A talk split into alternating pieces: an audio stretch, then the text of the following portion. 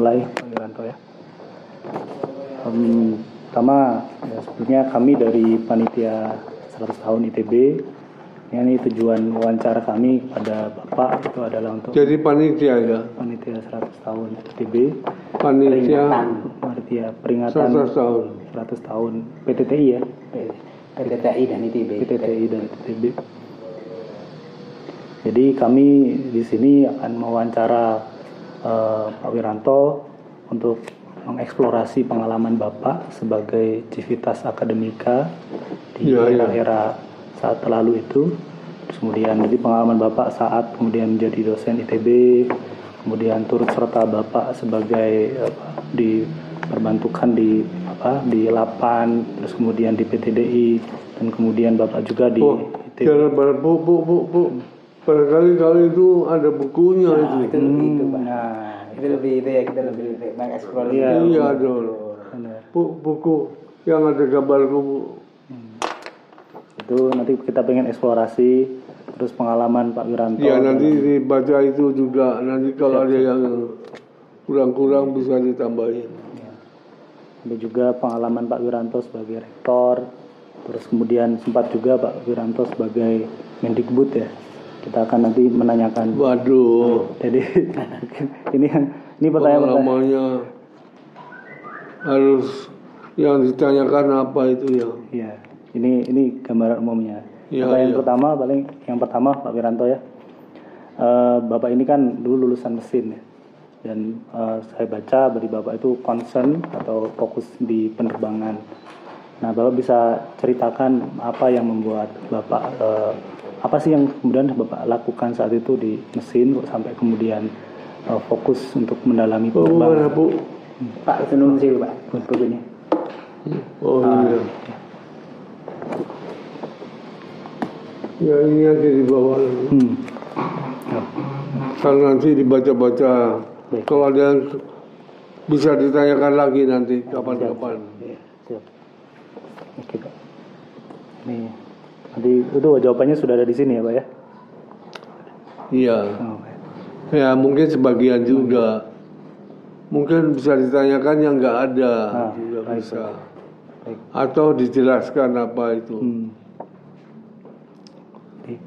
Bapak bisa cerita Bapak kok bisa memilih di mesin itu kan di FTMD ya, di ada mesin, ada penerbangan. Kok Pak Wiranto kemudian memilih fokusnya di penerbangan? Ada apa yang melandasi yang melandasi Bapak itu apa? Iya iya. Hmm. Mungkin Bapak bisa cerita. Sebenarnya saya lulusan Fakultas Teknik Universitas Indonesia ya. Hmm. Dulu belum belum ITB dulu. Hmm. Dulu masih TH. Fakultas Teknik Universitas Indonesia. Wah maaf gigi saya ini belum betul nih. Ya sebenarnya saya kan tidak pernah punya gambaran bahwa saya menjadi dosen. Tidak ada sama sekali. Dulu waktu sekolah ya tidak ya gambarannya ya ya bekerja di industri. Hmm. Tapi kan guru saya itu yang membimbing saya dalam tugas sarjana ya tugas akhir ini mungkin ada di sini sebagian itu namanya Profesor Dr. K.W. Fodin Hmm. itu orang Jerman itu K besar B besar. Hmm. V O H O D I N Foden. Itu orang Jerman itu. Itu setelah menguji sidang sarjana. Hmm. lalu lulus saya lulus itu saya main-main di di depannya sana selasar LFM itu ya LFM. yang sekarang ditempati mungkin satpam pos satpam itu Menwar. di bawah jam itu Iya, iya, iya. Iya. itu dulu kantornya kepala bagian mesin itu Hmm. Itu mendekati. Saya sedang asik nonton pengumuman-pengumuman ujian-ujian siapa yang lulus siapa yang tidak lulus dan sebagainya. Terus aku ditepuk-tepuk dari belakang itu. Ditawarin mau ke luar negeri? Itu aja tawarannya begitu. Ditepuk-tepuk lalu saya bilang mau ke luar negeri? Wah saya bilang mau ya terus dia bilang ayo ikut saya. Terus saya diminta beliau mendampingi ke, ke kantornya. Lalu di tengah perjalanan dalam perjalanan itu ditanya tapi tapi harus jadi dosen ya? Itu dia katakan begitu. Saya serta merta menjawab oke aja karena tertarik ke luar negeri itu. Padahal saya belum belum bicara dengan calon istri saya waktu itu. Ya. Pokoknya saya bilang iya oke gitu aja. Tapi akhirnya harus jadi tapi harus jadi dosen ya oh iya boleh aja. Jadi aku gambarannya di situ. Hmm. saya tidak tahu bagaimana jadi dosen itu. Tapi yang sekarang memang saya merasa itu cocok. Hmm. itu saya kira saya saya merasa itu bidang saya atau saya pekerjaan saya saya merasanya baru sekarang. Kalau dulu saya nggak tahu bagaimana itu. Saya menyenangi. Jadi sampai sekarang sudah berapa tahun itu? Itu saya diangkat menjadi pegawai negeri itu 1 April 1960 jadi sampai sekarang sudah berapa tahun 60 tahun ini 59. ya 59 ya 60 tahun tadi iya. ya sudah 60 tahun sampai sekarang ini dan saya merasa ya mungkin saya memang di sini harusnya gitu. kalau dulu nggak ngerti gimana itu dosen itu Hmm. Ya, ya. jadi begitu ceritanya Hmm. jadi sama sekali saya tidak ada cita-cita menjadi staf pengajar nggak nggak ada Hmm. Tapi itu diterapkan seperti begitu. Jadi sebelum berangkat ke luar negeri, saya diminta menempati rumahnya Profesor Fordin yang akan cuti ke Jerman waktu itu. Jadi mau cuti, beliau mau cuti, saya disuruh menunggu rumahnya. Dan kebetulan saya mau menikah belum punya rumah. Jadi setelah menikah punya rumah ya bertapa tinggal di situ menunggu rumahnya Profesor Fudin itu. Itu rumahnya di Jalan Pagar Gunung nomor berapa itu? Pagar Gunung nomor 20 atau 30 itu. Di situ. Jadi sebelum saya berangkat ke luar negeri saya tinggal di situ. Jalan di jalan bapak dulu di jalan Pagar Gunung nomor berapa itu? Empat bulan ya? Itu di depan di depannya Victoria itu apa itu? Depannya berapa Victoria ya? sekarang jadi Sekarang, jadi kafe ke kafe Bisa- ya? Bisa jadi antara nomor 2 dan 4. Iya, empat Karena itu, karena salah. itu paling ujung banget. Iya. Bisa jadi nomor 4. Rumah kedua. Salah kan? Nah, nomor berapa? Empat kali ya? Oh nggak mungkin. Paling ujung loh itu. Itu paling Dua, ujung empat. dekat Victoria. Kalau depan itu Iya, Ma. Iya. Kalau kalau Ke empat bawah, itu- ke bawah ya. Iya di bawah Pak. Kalau dari arah di Patikur itu di bawah. Nomor 30 lah saya. Boten lah Pak. Oh, itu, itu pendek jam pagar gunung itu cuma berapa rumah. Wah, enggak ada banyak dong. Udah kan dari Jalan Teguh Umar. Pokoknya di depannya di depannya Victoria. Victoria, Iya, iya. itu. Jalan Pagar Gunung itu. Iya, jadi saya ternyata senang menjadi guru itu. Bahagia saya menjadi guru. Iya. Saya jadi saya senang. Kalau saat itu Pak ITB seperti apa Pak? Bisa diceritakan Hmm. zaman Pak Wiranto saat itu masih jadi dosen awal-awal ITB eh, saat itu kondisinya seperti apa Wah, sih? memang saya itu tidak ikut dalam menyiapkan ITB-nya saya nggak nggak ikut. Saya mahasiswa biasa dan main. Hmm. Karena dulu saya pemain bola. Oh. Ya, jadi perkumpulannya IP namanya. Hmm. Itu juara Persib itu. Hmm. Dari dulu itu selalu juara Persib. Jadi saya memang tidak ikut dalam kesibukan mempersiapkan berdirinya ITB enggak. Saya bukan mahasiswa yang serius dulu. Hmm. Senangnya main aja. Kalau belajar juga maunya sebentar aja, tapi cepat supaya bisa main. Jadi pikirannya begitu. Jadi saya anjurkan juga mahasiswa begitu supaya tidak kehilangan masa mudanya.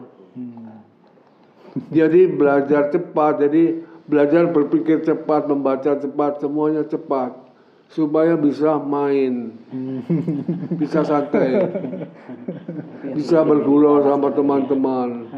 Karena saya waktu itu juga sebelum menikah saya tinggal di asrama mahasiswa. Itu di rumah B itu. Barak tuh. hmm. Terapi. Ya, jadi saya begitu. Jadi saya memang bukan mahasiswa yang serius.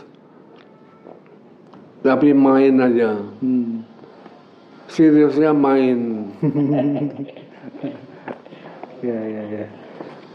Tapi bukan berarti nggak belajar ya. Hmm. Terus jangan dikira. Ya semua itu belajar. Tapi saya termasuk beruntung bahwa saya bisa mengelola, memimpin di hidup saya sendiri. Jadi waktunya harus belajar ya saya belajar. Ya. Tapi kalau dibandingkan dengan teman-teman saya, memang saya mungkin belajarnya seadanya saja. Tapi ya itu, saya belajar tapi belajar cepat supaya bisa santai, bisa main. Hmm. Ya, ya. Itu dan sekarang itu harus begitu. Sebab ternyata pergaulan itu lebih ba- lebih susah dibanding dengan belajar biasa. Jadi saya juga beruntung, merasa beruntung tinggal di asrama mahasiswa karena saya bisa bergaul dengan banyak teman dengan latar belakang yang berbeda-beda. Hmm. Ya itu senang menyenangkan sekali itu. Latar belakang berbeda-beda, kebiasaannya berbeda. Jadi kalau saya ketawa-ketawa dia mungkin sudah marah. Ya begitulah. Tapi toleransinya makin besar. Jadi belajar bertoleransi ya. Ya. Apa itu yang membuat Pak Wiranto saat menjadi rektor ITB, Bapak menggagas Wah saya tahu. ya. ITB, Pak? Yang saya baca itu. Bukan, tapi kalau Pak Kadarsa itu sekarang me- mengatakan Harmoni. bahwa ITB harus menjadi entrepreneurial university, Hmm. maka kegiatan ekstrakurikuler itu harus betul-betul dipahami sebagai bagian pendidikan yang penting. Karena di situ mengajarkan pergaulan ya Hmm. pergaulan jadi keterampilan bergaul itu menjadi penting sekali karena kalau entrepreneur dia menjual ide, menjual gagasan,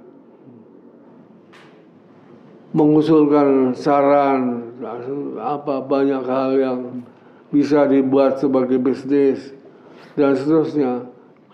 Jadi entrepreneurial skill ya itu penting sekali. Nah itu dibangun dari kegiatan ekstrakurikuler.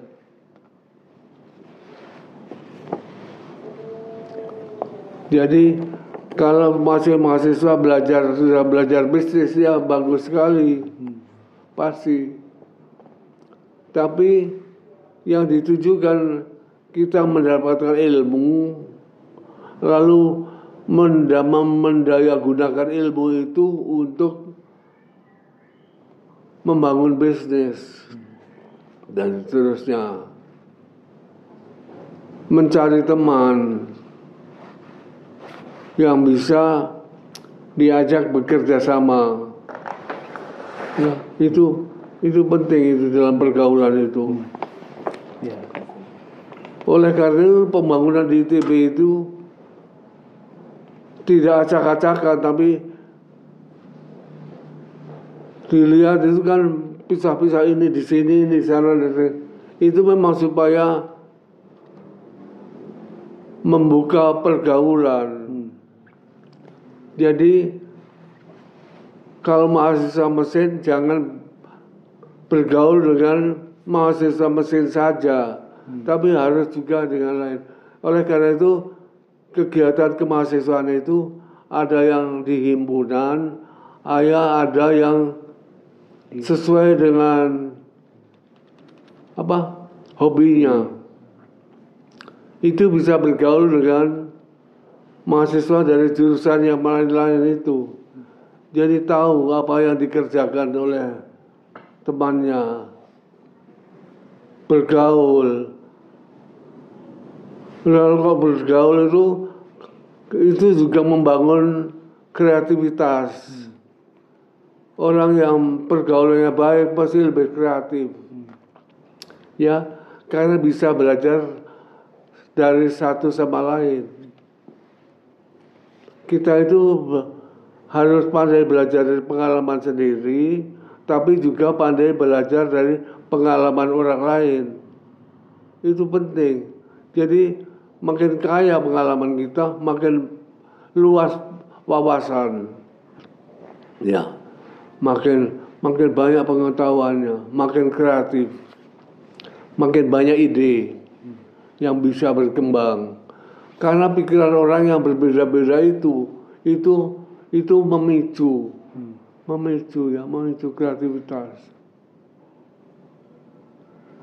Jadi kegiatan ekstrakurikuler itu bagus, baik sekali sekarang untuk mengembangkan itu entrepreneurial university itu.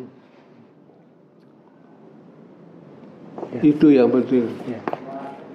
Karena juga di masa di mana sains dan teknologi itu maju dan berkembang, itu persaingan menjadi kecenderungan.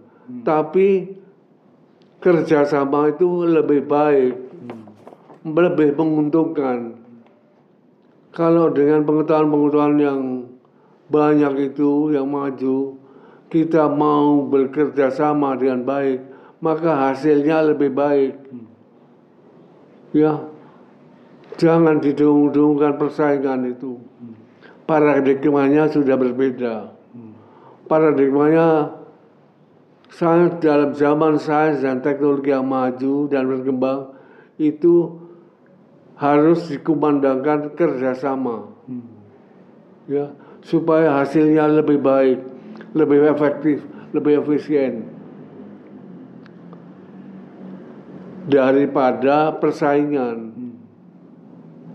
Meskipun begitu, paradigma yang berubah juga bisa begitu. Persaingan adalah kerjasama, ya. Pekerjaan juga adalah kerjasama untuk menghasilkan produk yang lebih baik, yang lebih bermanfaat bagi masyarakat. Jadi yang dituju adalah masyarakat. Yang di yang dilayani adalah masyarakat. Yang didambakan adalah masyarakat yang, yang maju dan berkembang. Sekarang pun di dalam kalau kita lihat apa janji-janji sarjana kan lihat ilmu pengetahuan dan teknologi adalah untuk peri kemanusiaan dan perdamaian dunia. Ya. Jadi jangan sampai ilmu pengetahuan yang ada itu lalu makin menjadikan orang itu egoistis sendiri-sendiri, egonya makin tinggi. Itu jangan begitu. Lebih baik kepintaran kita itu menjadi bagian dari pengembangan masyarakat. Jadi masyarakat yang makin maju, makin berkembang, makin bisa bekerja sama, makin bisa menghargai satu sama lain. Ya hasilnya lebih bagus. Kalau bekerja sendiri-sendiri pasti nggak lebih bagus. Dan cenderung untuk pertengkaran aja itu. Karena masing-masing menganggap dirinya pandai, jadi egonya makin tinggi, makin mementingkan pendapatnya sendiri. Nah itu nggak menguntungkan. Itu, itu yang penting. Oke. Kembali ke pertanyaan tadi Pak. Uh, Pak Wiranto bisa ceritakan pas saat Bapak menjadi rektor kan, kan cukup lama Pak, 9 tahun ya. Saya dari 88 sampai 97. Nah ini Bapak uh, dianggap apa namanya uh, berhasil untuk apa, uh, mencapai banyak hal. Salah satunya yang pertama yaitu Bapak dikenal sebagai uh, rektor yang membangun banyak gedung di TB. Iya, iya. Empat lantai dan sebagainya. Bisa Bapak ceritakan saat itu seperti apa? Iya, iya. Jadi saya juga bermerasa beruntung bisa membangun kampus ITB. Hmm. Itu penting itu bagi saya sekarang. Tapi saya tidak bekerja sendiri. Hmm. Saya juga menghimpun teman-teman yang bisa diajak bekerja sama membangun ITB. Hmm. Ya. Salah satu di antaranya yang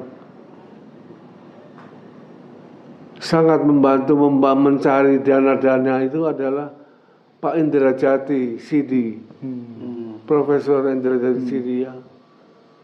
Itu yang saya minta cari uang, Hmm. pergi ke Jepang dengan uang seadanya ITB.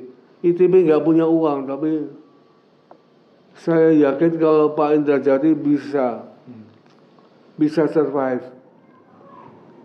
Jadi kita lihat berapa uangnya ide yang ada. Sudah Pak Indra pergi ke Jepang. Kebetulan duta besarnya itu adalah ipar saya Hmm. namanya Dr. Puji Kutarso waktu itu. Hmm. Puji Kutarso. Oh, mampus. Ya. Itu suami dari adik saya. Adik saya perempuan menikah dengan Pak Puji Kutarso itu. Bukan kakak kakak iparnya. Suami dari kakak ipar. Hmm? Kakaknya Om Diki kan. Iya, iya. Jadi suami dari kakaknya. Hmm. Suami dari adik saya. Suami dari adik saya. Punya. Punya. Iya iya. Itu kan adik. Iya. Jadi suaminya adiknya Oh bapak, kakak, kakak kakaknya, suami adik saya. kakaknya. Oh iya. Hmm. Kakak suami adik saya jadi Iya, ipar kakak ya. ipar adik saya. Kakak Kakak ipar. iparnya dari Iya iya dari adik ya. Hmm. Jadi kebetulan itu saya bilang pokoknya nanti Pak Indra kalau ada kesulitan pergi ke duta besar bilang biar pembantu rektor 3 ITB yang rektornya Pak Wiranto gitu itu ada gitu aja Hmm. Hmm. ya itu jadi perjuangannya juga tidak mudah. Hmm. Cari dana pembangunan itu begitu caranya. Cari uang dulu. Tadi saya tidak pergi sendiri karena nanti saya rektor. Kalau nanti ditolak menjadi kurang enak. Hmm. Kalau dianggap tidak tahu prosedur tidak enak. Jadi memang saya tidak tahu prosedur. Bagaimana cari uang itu? Saya tidak tahu, tidak tahu prosedurnya. Jadi saya minta Pak Indra Jati yang kebetulan memang saya kenal baik dan badannya besar kuat jadi tidak mudah pasti tidak tidak gampang dipermainkan orang lah Hmm. Dan bisa mengatasi keadaan darurat. Jadi kalau misalnya tidak ada hotel ya tidur di airport pasti bisa. Jadi begitu. Jadi akhirnya Pak Indra Jati itu juga adalah satu-satunya mungkin yang pernah datang ke kantor OECF itu, kantor yang memberikan bantuan pembangunan ekonomi untuk Indonesia itu. Overseas overseas apa itu namanya? OECF overseas economic foundation. cooperation development. Hmm. itu ada. Di prasasti saya itu ada ya di sana itu bantuan itu. Ya akhirnya dia datang ke kantor itu dan cari informasi bagaimana cari cari uang. Hmm. jadi itu enggak enggak mudah itu. Jadi cari uang oh gini caranya. Ternyata untung saja memang prosedurnya enggak begitu. Prosedurnya adalah kita membuat usulan kepada pemerintah kita membuat proposal lalu ditawarkan ya Hmm. masuk Bappenas ditawarkan kepada negara-negara negara-negara maju. Ini ada permintaan seperti ini siapa yang bisa ikut ikut dalam program itu. Itu begitu. Ternyata begitu. Jadi prosedurnya itu kita usul dulu ditawarkan ke pada pemerintah luar negeri. Lalu ada yang usul lalu supaya siapa yang disetujui oleh pemerintah baru akan mendapatkan itu. Tapi kita beda. Kita usul dulu cari uangnya dulu. Lalu begitu. Jadi kalau saya kan tidak enak. Jadi itu contoh karena Pak Indra Jati ya bukan rektor jadi kalau tidak ngerti prosedur oke-oke aja lah. Jadi itu. Jadi ada akal-akal bulusnya juga. Iya, iya. jadi akhirnya Pak Indra Jati kembali ke sini dan kita lalu cepat-cepat membuat master plan ITB. Hmm. Jadi pembangunan ITB ini adalah didasarkan pada implementasi dari master plan yang dibuat oleh ITB sendiri. Ini satu-satunya yang begitu. Tidak ada lagi.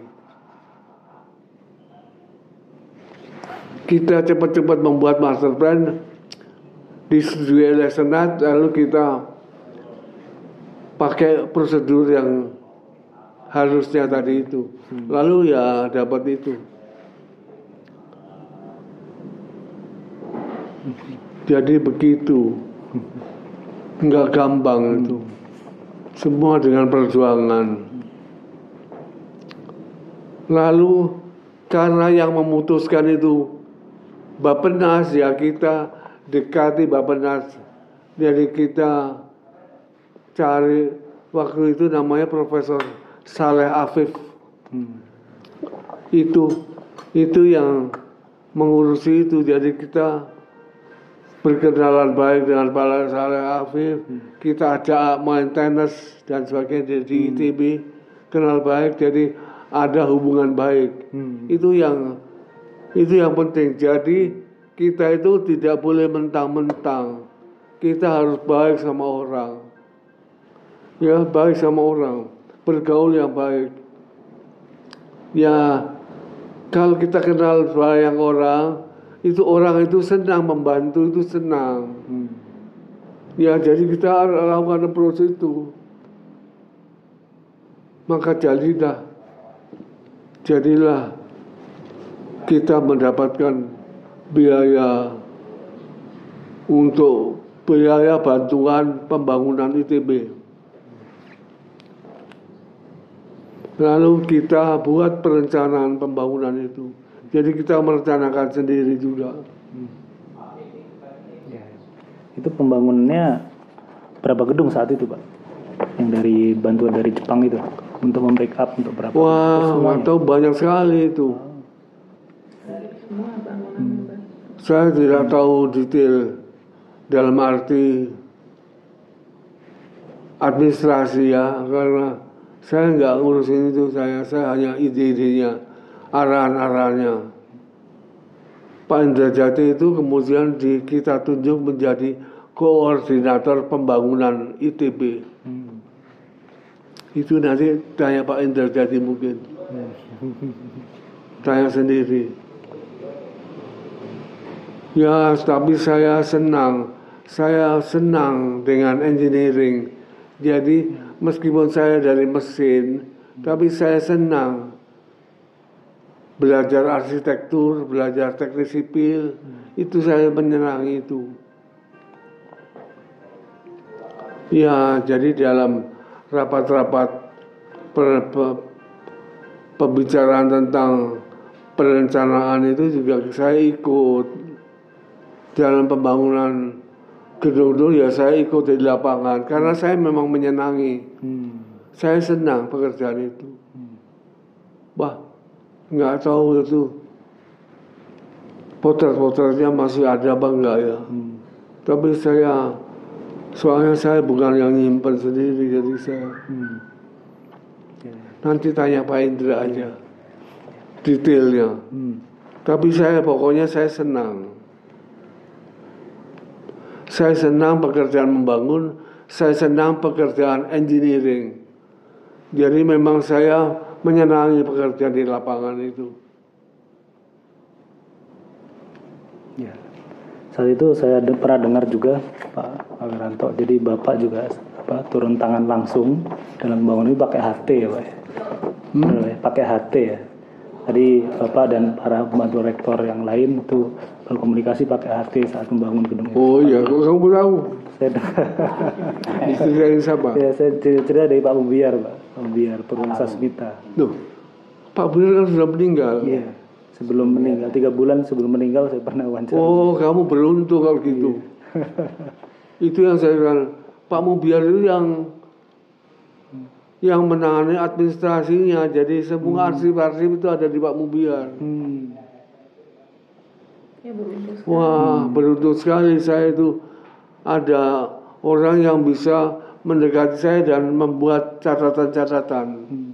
Itu Pak Mubiar. Itu kalau ke lapangan saya, saya ke, dengan Pak Mubiar itu. Hmm. Potret-potretnya banyak dengan Pak Mubiar. Hmm. Kamu nggak pernah ditunjukkan potretnya Belum, Pak.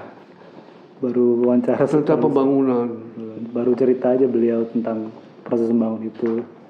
Ya, katanya beliau apa? Beliau dan juga pimpinan ITB saat itu langsung turun tangan. Iya, saya sampai karena kepanasan buka baju juga pernah di lapangan itu.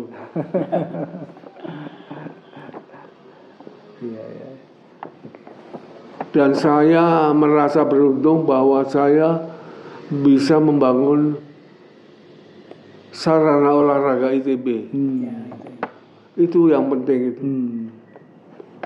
Karena dari situ interpersonal skill itu lebih gampang dikembangkan Hmm. melalui olahraga. pergaulan melalui olahraga itu paling gampang. Hmm. Ya, paling gampang kenalan orang itu gembira. Hmm. Karena sehat dan kuat itu tidak cukup, harus gembira. Hmm. Harus gembira. Ya tadi itu harus gembira. Entrepreneur itu gembira. Ya. Kalau mau bergaul sama orang ya harus gembira. Kalau kita nggak gembira nggak senang orangnya loh. Hmm. Nggak mungkin ini teori-teorinya biasa-biasa aja. Tapi tim itu tim yang benar-benar bergaul satu sama lain, bekerja secara sinergi. Kita saling membantu sama satu sama lain. Nah, itu contoh itu.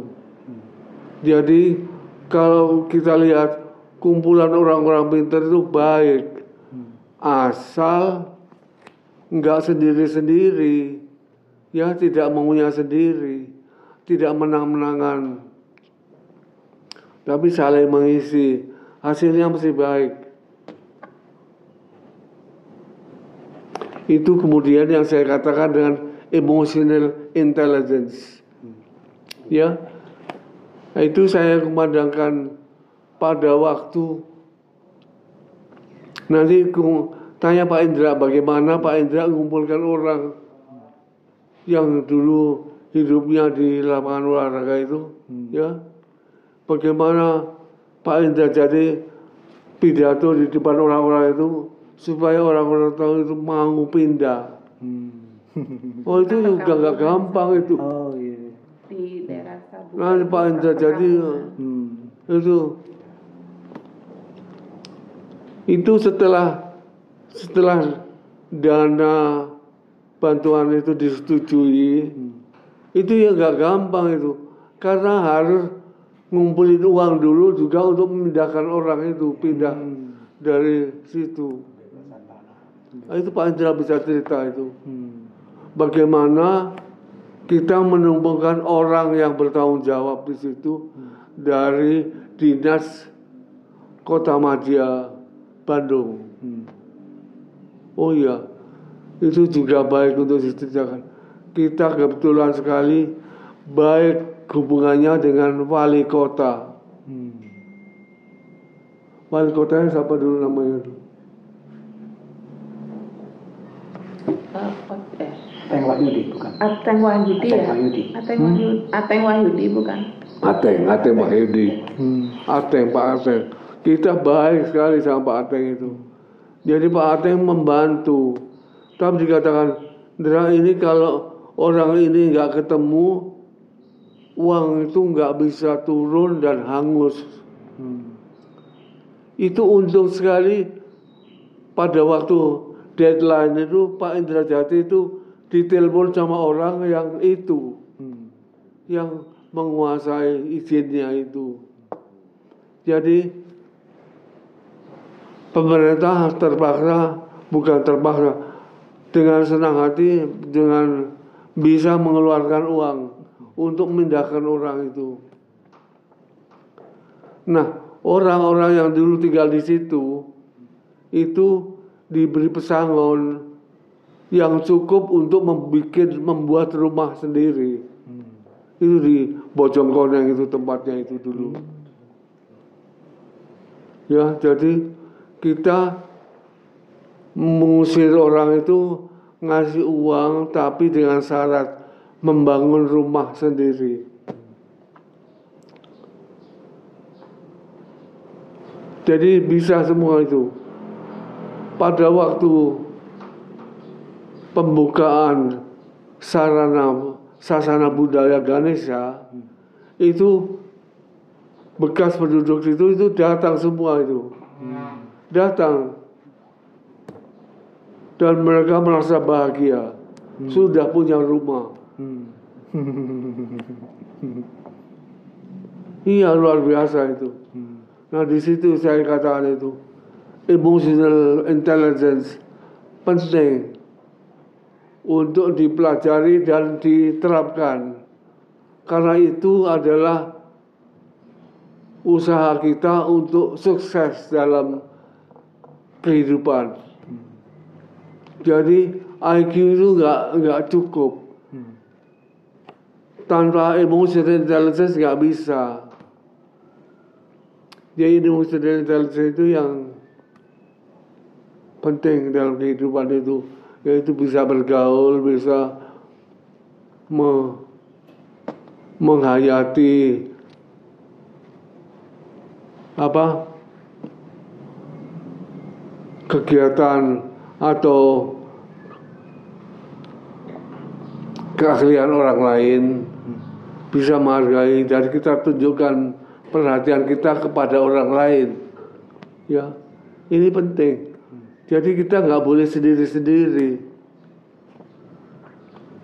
Seperti tadi saya katakan itu ada lagi itu yang mengizinkan oke dikasih bantuan itu. Ada yang namanya Pak Saleh Afif itu ketua Bapenas itu dulu itu itu kita ya baikkan baik-baik sama dia. Kalau enggak nggak mungkin juga. Hmm. ya kira-kira begitulah. Ya semua Tuhan yang anu ya tapi kita berusaha begitu. Jadi itu nanti tanya Pak Indra baru bisa menghayati itu. Bagaimana Pak Indra itu pidato di depan banyak orang yang diminta untuk mau pindah Hmm. wah nggak gampang itu itu 400 orang 400 kepala keluarga itu Iya, Bapak kan eh, Lebak Siliwangi. Iya. Hmm. hmm. Yang jadi sekarang jadi sabuga. Sekarang jadi Sabuga. Dulu namanya Lebak Siliwangi. itu baru loh ya punya rumah mereka punya rumah sendiri datang ke waktu pembukaan peresmian dari Sabuga. Sasana Budaya Ganesha itu datang itu mereka itu senang mereka duduk di panggung itu. Nah di sana saya menganjurkan baca buku Daniel Goleman namanya itu. Ahli dari emotional intelligence. Ada bukunya itu. Waktu itu saya ke wajib ini bagi dosen ITB baca ini Iya. itu jadi jadi sekali lagi saya merasa ternyata saya senang menjadi dosen dan mungkin Allah juga menunjukkan saya ini jalannya. Ya jadi memang begitu. Jadi kalau saya benar-benar dalam mengajarkan sesuatu ya karena saya senang saya senang membuat orang mengerti dari nggak bisa menjadi bisa itu itu yang penting. Lalu setelah bisa dia bagaimana mencapai keberhasilan dalam pekerjaannya. Ya. Tadi eh, Pak Wiranto mengatakan menekankan ini ya eh, apa eh, kecerdasan emosional. Nah di sini saya baca-baca eh, dalam eh, pas saat Pak Wiranto menjadi rektor ada beberapa program yang dikatakan banyak orang sebagai eh, apa sukses gitu program yang sukses. Salah satunya Pak Wiranto ini pencetus apa ya pertama semester pendek terus mata kuliah olahraga dan juga ada program namanya Friendly ITB. Apakah semua itu dilandasi dari Iya iya. tadi yang Bapak katakan? Ya, oleh karena itu pidato yang rektor yang pertama kali itu yang saya sebutkan friendly ITB itu adalah pidato pada waktu saya pertama kali pidato sebagai rektor ITB. Hmm. Friendly ITB. Jadi ya itu nanti bisa dibaca di prasasti di mana Widya Nusantara itu. Oh iya iya. Plaza Widya. Plaza Widya. Iya, Ya. Plaza Widya. itu gitu jadi itu itu adalah apa yang saya katakan pada waktu peresmian. Sambutan saya pada waktu peresmian Plaza Widya Nusantara. Hmm. ya. Itu sebelum itu ada rapat. Rapat pimpinan ITB mengatakan ini namanya apa enaknya Hmm. ya dalam rapat itu ditentukan wah ini ini ini wah apa lalu Pak Sularso dari itu mengatakan pokoknya harus ada widianya apa widya itu? Hmm. widya itu katanya pendidikan. Hmm. aku percaya aja padahal padahal nggak ngerti itu. Padahal aku nggak ngerti itu apa widya itu. Kata Pak Larso itu pendidikan jadi ada itu. Ya sudah. Kalau gitu namanya Plaza Widya Nusantara. Ah. lalu itu oleh karena itu lalu saya katakan dalam sambutan saya tempat ini dinamai Plaza Widya Nusantara.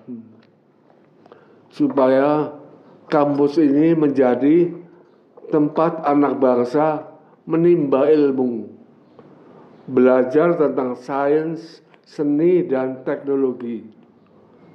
Supaya kampus ini menjadi tempat bertanya yang harus ada jawabnya. Saya saya tulis itu. Hmm. Saya katakan itu. Hmm. Makanya apa yang ditulis itu adalah apa yang saya katakan persis. Saya lupa sekarang mungkin. ya. Jadi tempat ini harus menjadi tempat bertanya supaya dan harus ada jawabnya. Jadi jangan masyarakat itu datang ke kampus tanya nggak dikasih jawaban. Nggak boleh begitu. Saya bilang harus ada jawabnya. Lalu saya kata supaya kampus ini membentuk watak dan kepribadian. Supaya kehidupan kampus ini membentuk watak dan kepribadian. Supaya lulusannya bukan saja menjadi pelopor pembangunan, tapi juga pelopor persatuan dan kesatuan bangsa. Itu yang saya katakan. Coba nanti dicek ya. Mungkin masih ada itu di sini. Iya. Iya. Saat itu juga pas saat Pak Wiranto jadi rektor gitu kan, Bapak dikenal dekat dengan dosen, mahasiswa gitu. Katanya seperti itu. Iya. Bisa diceritakan eh, saat itu Bapak gimana Bapak beraktivitas selama jadi rektor? Wah, aku ya aktif di semua unit dong. Serapan. Jadi setiap hari datang terus gitu, air. keliling-keliling gitu. Iya. gitu. Iya. Dan karena saya senang juga, Ah, nggak terpaksa itu. Saya senang karena di dalam kegiatan kemahasiswaan itu mahasiswa dihadapkan pada masalah-masalah real, yang real, yang real. Meskipun itu ngurusin paduan suara, tapi itu real. Meskipun itu marching band, tapi re- itu benar. Ada fungsi organisasi, ada fungsi bisnisnya. Dan ada fungsi harus keber, ada keberhasilan, ada efektivitas, ke- keefisiensi dan macam-macam. Seperti dalam bisnis juga. Hmm. Jadi pokoknya itu meskipun urusannya itu tapi masalah-masalahnya ada real. Masalahnya juga menghadapi orang-orang mahasiswa yang harus diajak. Kan tidak ada hierarki ya. Hmm. Itu gak ada pemimpin sama yang dipimpin gak ada yang begitu. Gak ada bekerja. Saya direktur ya, itu yang menjadi pekerjaannya kan gak ada hubungan itu. Jadi semua sukarela, semua dengan bujukan-bujukan. Nah itu jadi itu lebih susah itu. Hmm. Kalau orang sudah bekerja ada gajinya. Iya. Kalau nggak mau nurun ya dipecat. Ini kemahasiswaan nggak ada yang gitu itu. Hmm. Masa mana yang dipecat? Hmm. Dan di dalam saya rektor ITB saya juga mencetuskan zero dropout. Hmm. Zero dropout ya. Itu bukan mahasiswa itu dibiarkan semua lulus gitu aja bukan. Hmm. Tapi mahasiswa dengan potensi yang tinggi tidak ada yang boleh drop out. Hmm. Kalau drop out sampai terjadi itu salahnya dosen. Hmm. Ya. Jangan hanya dosen. Oh, kemampuan setinggi itu kok drop out itu salah man. Salahnya dosen itu kalau gitu. Ya mungkin nggak bisa menarik membuat mata kuliahnya menarik. Karena prinsip saya itu kuliah itu harus menyenangkan, harus gembira. Ya, jadi kuliah itu harus menyenangkan. Kalau nggak menyenangkan salah dosennya. Sebab kalau tidak menyenangkan, itu mahasiswa itu suruh belajar itu itu menderita itu. ya, jadi kalau zero dropout itu bukan berarti dilurus-luruskan bukan, tapi dosennya harus mengerti orang ini nggak boleh sampai nggak lulus. Dia harus ditingkatkan pengetahuannya supaya dia lulus, supaya dia memenuhi syaratnya. Itu zero dropout. Jadi banyak orang yang nggak ngerti. Banyak yang nggak ngerti itu, tapi maksudnya itu. Kan tadi kembali yang Bapak dekat dengan mahasiswa dan dosen gitu. Kan istilahnya kan belusukan gitu ya. Hmm? Itu kan istilahnya sekarang lagi dikenal belusukan. Dulu belum kenal. Nah, dulu belum dulu istilahnya mungkin beda. Apa-apa? Belusukan, Pak. Belusukan. Belusukan itu yang turun ke ke bawah gitu ya terus. Oh iya, Nah, saya kalau saya berusukan itu dari dulu, Iya, iya. karena saya senang aja. Itu Saya senang, saya senang. Nggak ada masalah terpaksa nggak ada. itu yang Bapak dapatkan apa Pak saat belusukan itu? Hmm? Yang Bapak dapatkan untuk ke, khususnya untuk pembinaan Bapak sebagai rektor itu barangkali ada kebijakan-kebijakan yang diinspirasi dari situ. Ya, artinya kalau saya dekatin mahasiswa itu mahasiswa yang merasa dekat dengan saya itu malu kalau nggak lulus. itu yang penting. Itu yang penting. Mereka sendiri malu kalau nggak lulus. Hmm. Jadi takut kalau tanya kamu gimana belajarnya? Wah dapat D pak, malu dia. Iya, jadi makin ya makin senang. Tapi saya juga senang. Hmm. Saya senang malah saya misalnya kalau paduan suara itu yang saya inginkan itu anggota paduan suara itu ada 400 orang menyanyi bersama-sama. 400 orang. Kalau marching band itu lapangan bola itu penuh Hmm. dari barisan. Itu sampai harus begitu. Sebab kalau marching band itu saya itu waktu saya sekolah di Amerika ada yang namanya Purdue Marching Band. Hmm. Purdue All American Marching Band All American. Jadi dia paling bagus. Jadi saya tahu referensi marching yang paling bagus. Hmm. jadi saya ingin begitu. Tapi dulu itu kan belum banyak uang. Jadi peralatan marching band itu kita pinjam semua. Hmm. pinjam. Bagaimana caranya pinjam? Yang punya siapa? Yang punya itu PGT Hmm. di TNI AU. Hmm. Ya sudah, kita baik-baikan aja sama TNI AU. Baik-baikan. Dia mau melatih, dia minjamin Alatnya. alat. Jadi begitu caranya. Hmm. Nggak pakai modal. Hmm. Karena nggak punya. Kalau sekarang sudah enak, Iya. banyak uangnya. Mau beli trompet aja bisa berapa? Hmm. Eh, mau minum-minum. Iya Pak.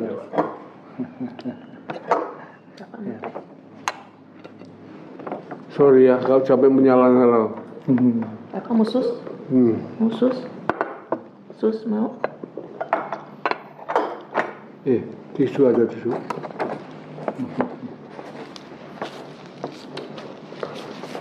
Jadi itu, saya memang menyenangi. Saya kalau saya kerja sampai malam karena saya memang menyenangi. Dan kebetulan para pembantu rektor saya dulu itu sama dengan saya. Sama. Jadi sama pandangannya. Sama senangnya. Jadi meskipun bekerja sampai malam-malam nggak ada masalah. Senang, semua senang.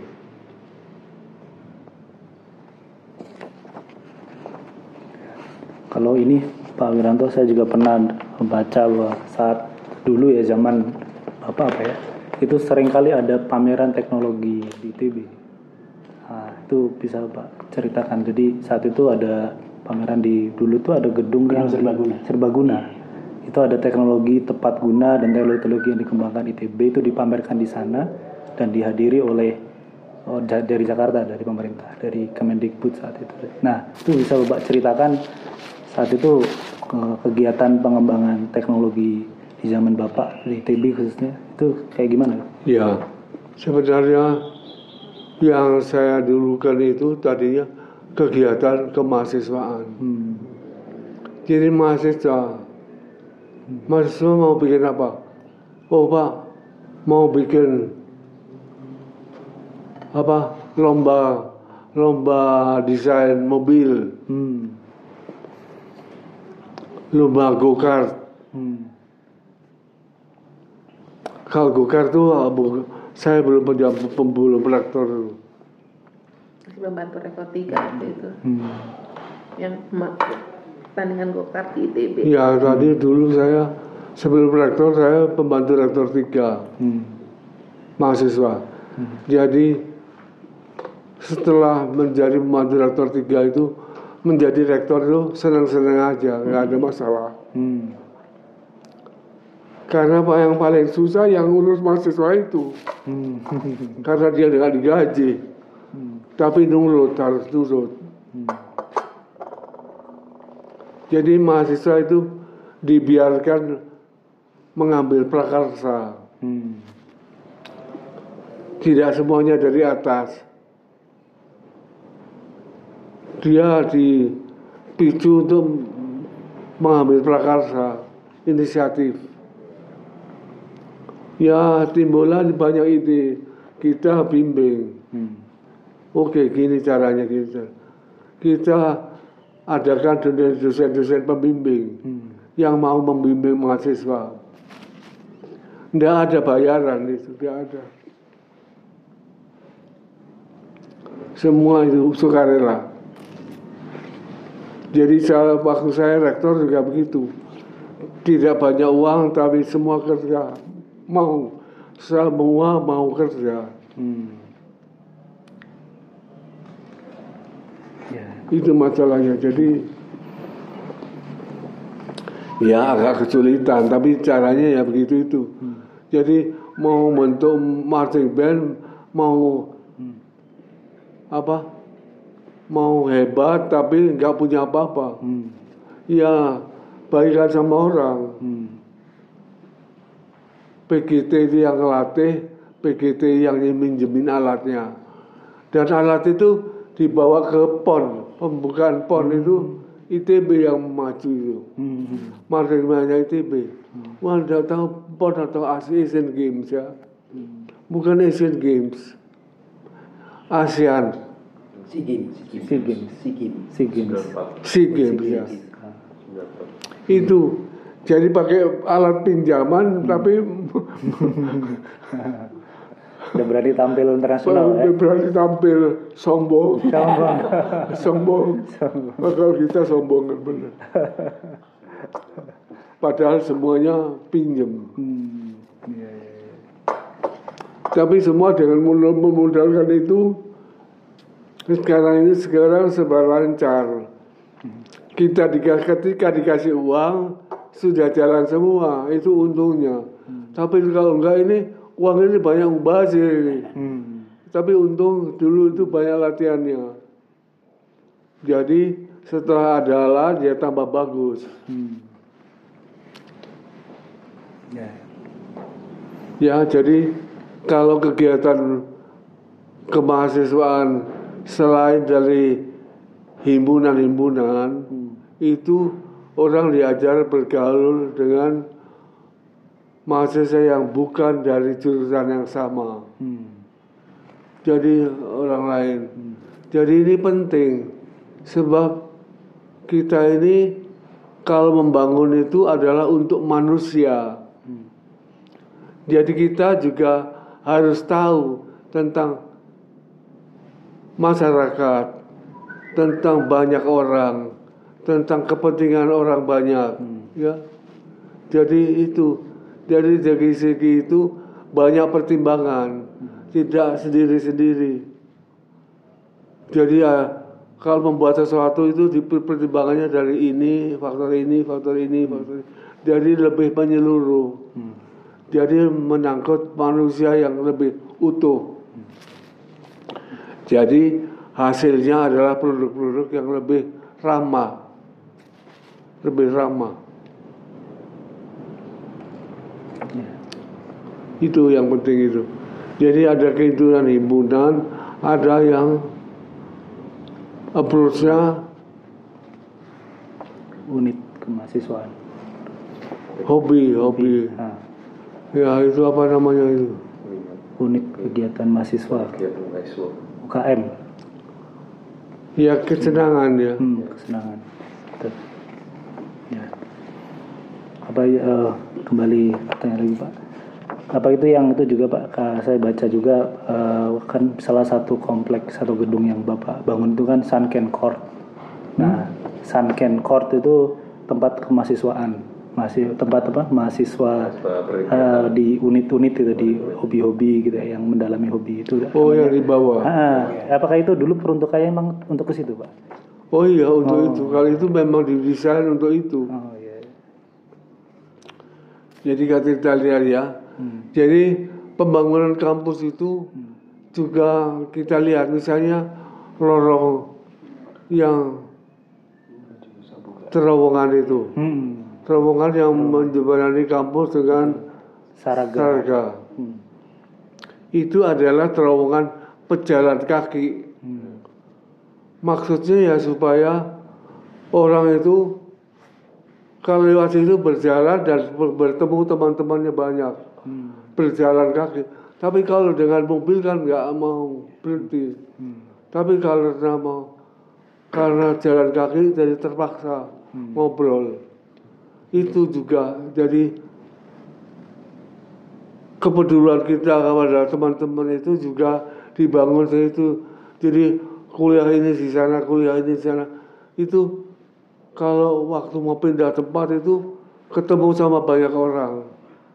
Jadi terpaksa menegur, terpaksa bicara, terpaksa baik-baikan, terpaksa sopan santun. Ya itu. Jadi macam-macam di situ. Ya. Kalau yang sekarang Pak Wiranto amati di te- tentang ITB Pak ya terhadap ITB apa yang masih kurang di ITB Pak? Yang menurut Pak Wiranto? Sekarang ya, yang kurang adalah tidak ada gambaran tentang bahwa ITB itu peduli sama kota. Hmm. Itu itu itu, itu saja. Saya kira semua sudah bagus, ranking dunia, semua bagus. Tapi kalau sudah menginjak kota itu seperti tidak ada sentuhan dari ITB. Hmm. Sama dengan Jakarta, jadi bukan ITB saja. Itu banjir, banjir terus. Masa ada UI, ada ITB banjir. Nggak penting, nggak betul itu. Sini ada ITB, macet sekali lalu lintasnya. Wah nggak boleh itu.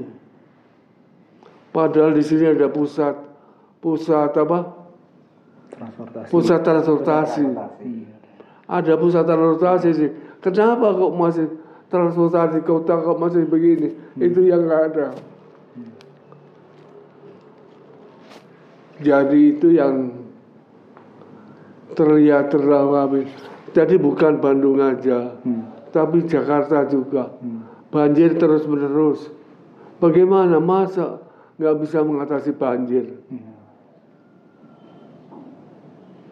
Oleh karena itu pernah saya usulkan di sini ITB usul pada Menteri PU kita selenggarakan pertemuan untuk memecahkan masalah masalah banjir Jakarta.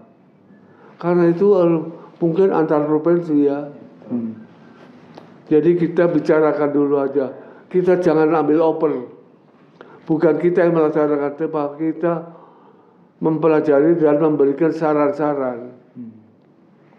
Apa yang harus dikerjakan itu. Ini juga di sini ya sama aja. Bagaimana memecahkan masalah lalu lintas di kota Bandung? Kok nggak kok nggak kelihatan sentuhannya ITB? Padahal ada pusat transportasi yang hebat, orangnya hebat-hebat itu. Oleh karena itu, waktu itu saya katakan ITB itu maju berkembang, tapi tidak terkenal. Aku bilang tidak terkenal itu artinya apa? Ya tidak terkenal ya, karena tadi itu dengan friendly ITB itu kok nggak terkenal lu gimana? Ya karena yang dilaksanakan ITB itu barang-barang yang wah, yang orang takut, takut mendekat, takut menyentuh. Kalau dulu kemahasiswaan ada yang namanya Ganesha Intervarsity Game. Itu pertandingan basketball antar mahasiswa se-Indonesia. Di itu di taman barat kampus itu. Jadi rame kampus itu, rame bukan sekedar karena pengetahuannya hebat, bukan karena teknologi yang hebat saja, tapi juga karena ada bagian-bagian yang masyarakat juga menyenangi. Ya, itu penting itu. Kok nggak ada yang menyenangi gini? Ya, waktu waktu pada pertunjukan basket itu banyak orang datang, senang, jadi terkenal. Itu saya bilang terkenal.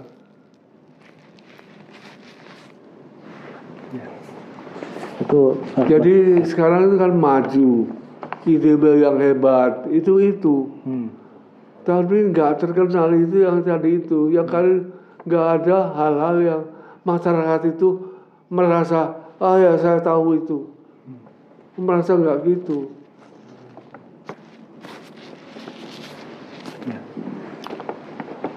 Tapi itu sudah saya katakan pada Pak Kadarsa.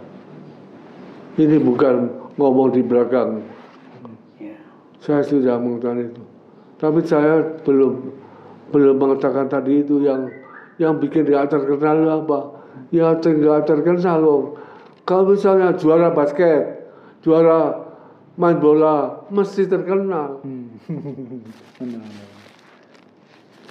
Juara renang, wong ada kolam renang, Hmm. ya. Juara menyelam, mesti terkenal itu. Tapi ini belum terkenal karena nggak ada bagian-bagian yang oh masyarakat merasa ini aku bisa gitu. Aku ngerti. Ya sekarang kan ranking nomor segini, nomor segini. Hebat ITB itu hebat. Nggak ada masalah tentang itu. Itu hebat. Itu hebat sekali ITB itu. Tapi di sini, di mana masyarakat itu mengerti, gak ada itu. Coba ITB juara, sepak bolanya juara, basketnya juara, mesti terkenal. Se-Indonesia barangkali. Ya, dulu itu semua mahasiswa Indonesia kumpul di kampus itu main kejuaraan basket itu. Ini namanya Ganesha Intervarsity Game.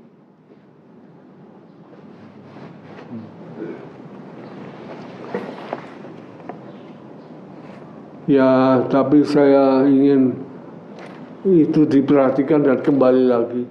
Tapi tadi ini penting ini karena seolah-olah nggak ada sentuhan, Hmm. tidak ada sentuhannya ITB. Kok masih ada kali yang kotor? Wong Bandung kok banjir itu gimana coba? Padahal dataran tinggi. Hmm. Kalau Jakarta banjir masih bisa dimengerti. Tapi kita juga harus mengerti bahwa kenapa kok ada terus masalahnya. Kok nggak bisa diselesaikan?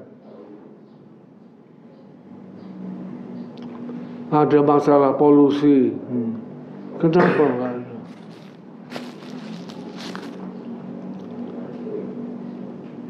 Ya, tapi bukan salahnya rektor. ya, kita semua juga bersalah. Karena tidak ikut. Kenapa nggak ngomong? Hmm. Itu padahal wali kotanya itu dulu Alumni. alumni ITB itu. Iya. Kenapa dia juga tidak mendekat ke ITB? Ya jangan, jadi jangan sepihak disalahkan. Tapi wali kotanya juga tidak mendekat ke ITB. Jadi ini masalahnya itu. Jadi hubungan baik, Hmm. Kerjasama itu kita harus memelopori di zaman teknologi maju Hmm. supaya hasilnya lebih banyak. Hmm. Ya jadi kita kita yang proaktif. Jangan kita menyalahkan orang aja. Kita harus proaktif. Mulai dari mahasiswanya semua. Mahasiswa yang ramah juga kepada masyarakat Balubur. Hmm. Semua semua situ itu bisa begitu. Mesti dilindungi nanti. Kembali. Masih orang bicara tentang ITB itu. Ya. Kalau saat ini Pak Pak Wiranto kan setelah menjadi rektor, kemudian sempat membantu Presiden Soeharto jadi Menteri Pendidikan dan Kebudayaan. Maka tadi gagasan yang Bapak sampaikan tadi yaitu kecerdasan emosional yang tadi itu itu juga di scale up atau diperluas cakupannya tidak hanya ITB saja tapi juga Bapak pengen mengadopsi itu ke semua kampus di Indonesia dan semua lembaga pendidikan di seperti Iya, iya. Tapi itu saya. Loh, saya juga bicara dengan universitas lain karena saya juga anggota Dewan Penyantunnya UNPAD. Hmm. Jadi saya bicara dengan rektor. Tapi hampir semua begitu. Jadi, tapi aku minta ITB mempelopori. Hmm. Jadi semua orang itu ingin kerjasama, kerjasama, kerja. Semua ingin. Masyarakat Bandung juga ingin. Jadi ITB mempelopori supaya melihat bahwa kerjasama itu penting. Hmm. Itu yang yang harus terjadi. Jadi kita memicu, memicu, memacu kerjasama. Hmm. Itu jadi semua mahasiswanya juga mendorong kerjasama, bergaul sama unpad sama semua. Hmm. Jangan diam di kampus saja. Ya kamu. Dan ini baik. Ke, sebab silatur paling tidak silaturahmi. Silaturahmi pasti mesti bermanfaat bagi sendiri, bagi diri sendiri, tapi juga bagi semua orang. Kita makin kreatif, makin cerdas. Sebab lihat banyak persoalan dari pembicaraan-pembicaraan itu kita lihat, oh ada soal ini ternyata, ada soal ini, ada soal ini, ada soal ini, ya tidak tidak sendiri aja.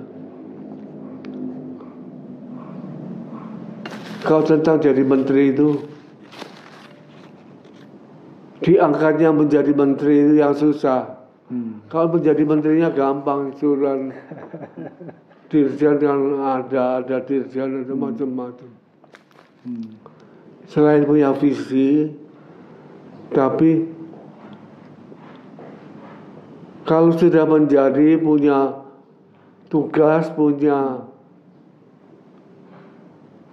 kekuasaan, otoriti mengatur, itu nggak ada masalah itu. Hmm. Tapi diangkatnya menjadi menteri itu yang yang susah.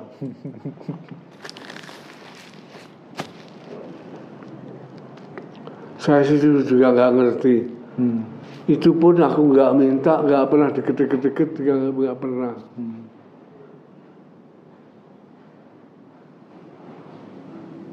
Ya itu diangkatnya.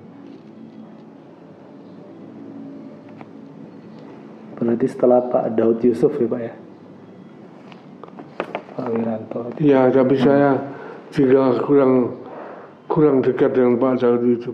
Jadi Pak Daud Yusuf mungkin juga tidak tahu banyak tentang saya. Hmm. Kalau saya tahu dengan Pak Daud Yusuf. Hmm. Paling selanjutnya pertanyaan paling terakhir Pak Wiranto saat ini. Jadi tahun depan tahun 2020 eh, ITB kan akan memperingati 100 tahun PTTI atau Pendidikan Teknik Pendidikan tinggi eh, teknik Pendidikan Indonesia. Tek- eh, Tinggi Teknik Indonesia. Nah, apa pesan Pak Wiranto pada ITB dan juga Indonesia khususnya perguruan tinggi teknik? Tapi nggak ada komentar saya. ITB itu sudah maju sekarang itu maju sekali. Dalam hal keilmuannya mesti maju. Hmm. Saya ingin bahwa ITB itu harus lebih bermanfaat. Hmm. Itu yang harus yang harus terjadi itu. ITB, ITB must be useful. ITB must use must be useful. Usefulnya ini yang penting. Harus bermanfaat ITB itu.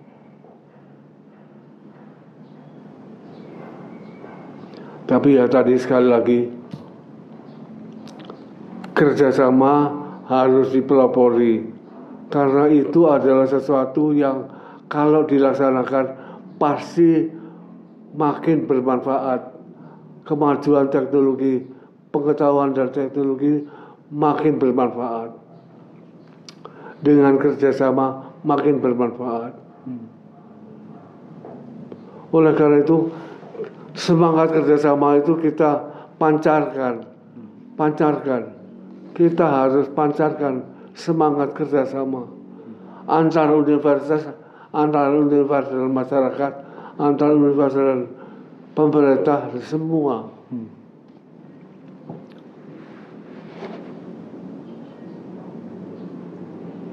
Itu, itu yang penting. Ya, paling itu dulu uh, dari kami Pak Wiranto. Terima kasih banyak atas kesediaan Sudah, ya, kesediaan ya, Pak. Wiranto. ya sudah sekarang berdua aja. Terima kasih banyak. Tapi setelah baca itu Ya. bisa aja nanti nggak ada kekurangan. Ya, barangkali nanti akan ada Iya nanti wawancara nanti dilihat dilihat dari sini aja. Nanti bisa ditanyakan Pak Indra Jati bisa, iya, siapa aja bisa. Tapi semuanya ditulis di sini dibaca dulu. Ya, ya, betul. Itu tadi bukunya kita sudah terima. Nanti kita akan baca buku dari Bapak. Iya. Di situ ada perkembangan waktu pembangunan Iya. ITB. Kalau saya di lapan dulu memang saya senang, saya menyenangi bekerja di lapan itu karena saya bisa menerapkan ilmu pengetahuan dan teknologi saya di di dalam bidang peroketan khususnya. Hmm. Tapi karena laboratorium saya itu adalah dalam motor bakar dan sistem propulsi, Hmm. maka saya juga membantu IPTN. Hmm. Saya ikut serta merancang sistem propulsinya pesawat terbang yang pertama Indonesia. CN 235. Saya nggak Itu Hmm. Saya memimpin tim yang merancang sistem propulsi dan AC dan penyegaran udara. Pesawat CN235 itu. Itu saya senang. Di rapat saya senang sekali karena itu peroketan. Itu kalau 8 benar menyeluncurkan roket itu, Australia sudah teriak-teriak itu. karena meluncurkannya di Pamengpung. Nanti kena Christmas Island itu. Iya, iya. Oke, Pak. Paling itu dari kami. Nanti Kan ya. sampai di lu diminum. Silakan Pak. Silakan. Pak. Pokoknya selamat. Terima kasih banyak atas kehadiran Anda dan mudah-mudahan apa yang saya katakan itu penting. penting Pak. maksudnya bukan mudah-mudahan Pak. penting. penting Pak.